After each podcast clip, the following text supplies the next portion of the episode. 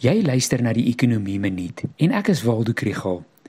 Met inflasiesyfers wat vandag bekend gemaak word en 'n reepekoersbesluit volgende week, is dit 'n goeie tyd om te praat oor die onlangse nuwe ou voorstel van die ANC om die Reserwebank se mandaat te verander. Hulle voorstel is dat die mandaat uitgebrei moet word om aan die behoeftes van die ekonomie te voldoen en dat werkskepping ook 'n doelwit moet wees. Dit is 'n slegte idee.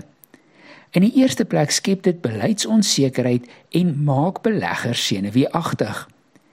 Die president het kort na die voorstel bekend geword het, probeer troos deur te sê dit sal nie vinnig gebeur nie omdat 'n wysiging van die grondwet nodig is.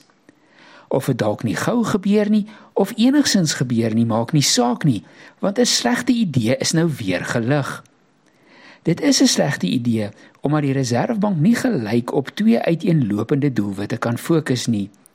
Om inflasie laag en stabiel te hou in die langtermyn dra by tot ekonomiese groei wat weer bydra tot werkskepping. Maar as hulle oor die korttermyn moet fokus op werkskepping, gaan die monetêre beleidskomitee dinge moet doen wat inflasie sal laat styg. Jy wonder dalk, is daardie afkoop nie die moeite werd nie? Die Business Day haal navorsing aan wat wys dat om die reepekoers met 25 basispunte te sny, lei oor 'n 1 jaar periode tot 0,1 persentasiepunt ekonomiese groei. Een volle persentasiepunt ekonomiese groei laat indiensneme toeneem met 0,37%. Werkloosheid in Suid-Afrika is struktureel van aard.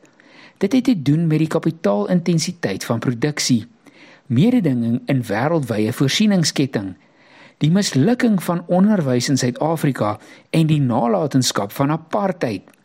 Dit is nie iets wat met die repo-koers opgelos kan word nie. Die NWI Sakeskool is die hoofborg van die Ekonomie Minuut podcast.